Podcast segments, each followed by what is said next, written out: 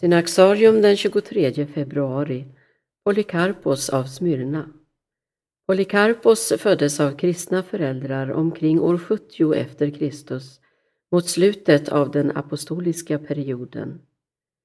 Ireneus av Lyon, den berömde kyrkofadern som var en av hans lärjungar, berättar att Polycarpos personligen kände aposteln Johannes, liksom flera av dem som sett Herren.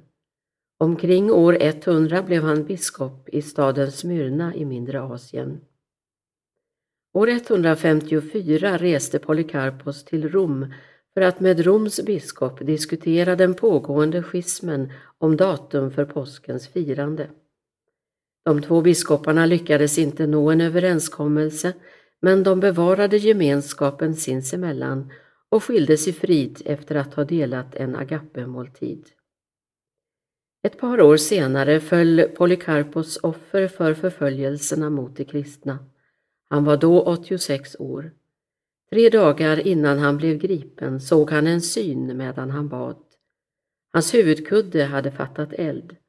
Han vände sig till dem som var tillsammans med honom och sa Jag ska bli levande bränd.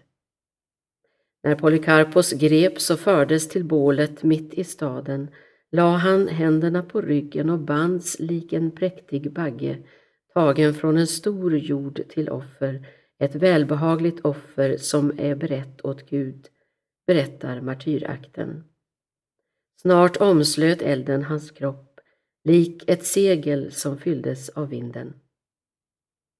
Ögonvittnena gjorde nu en märklig erfarenhet.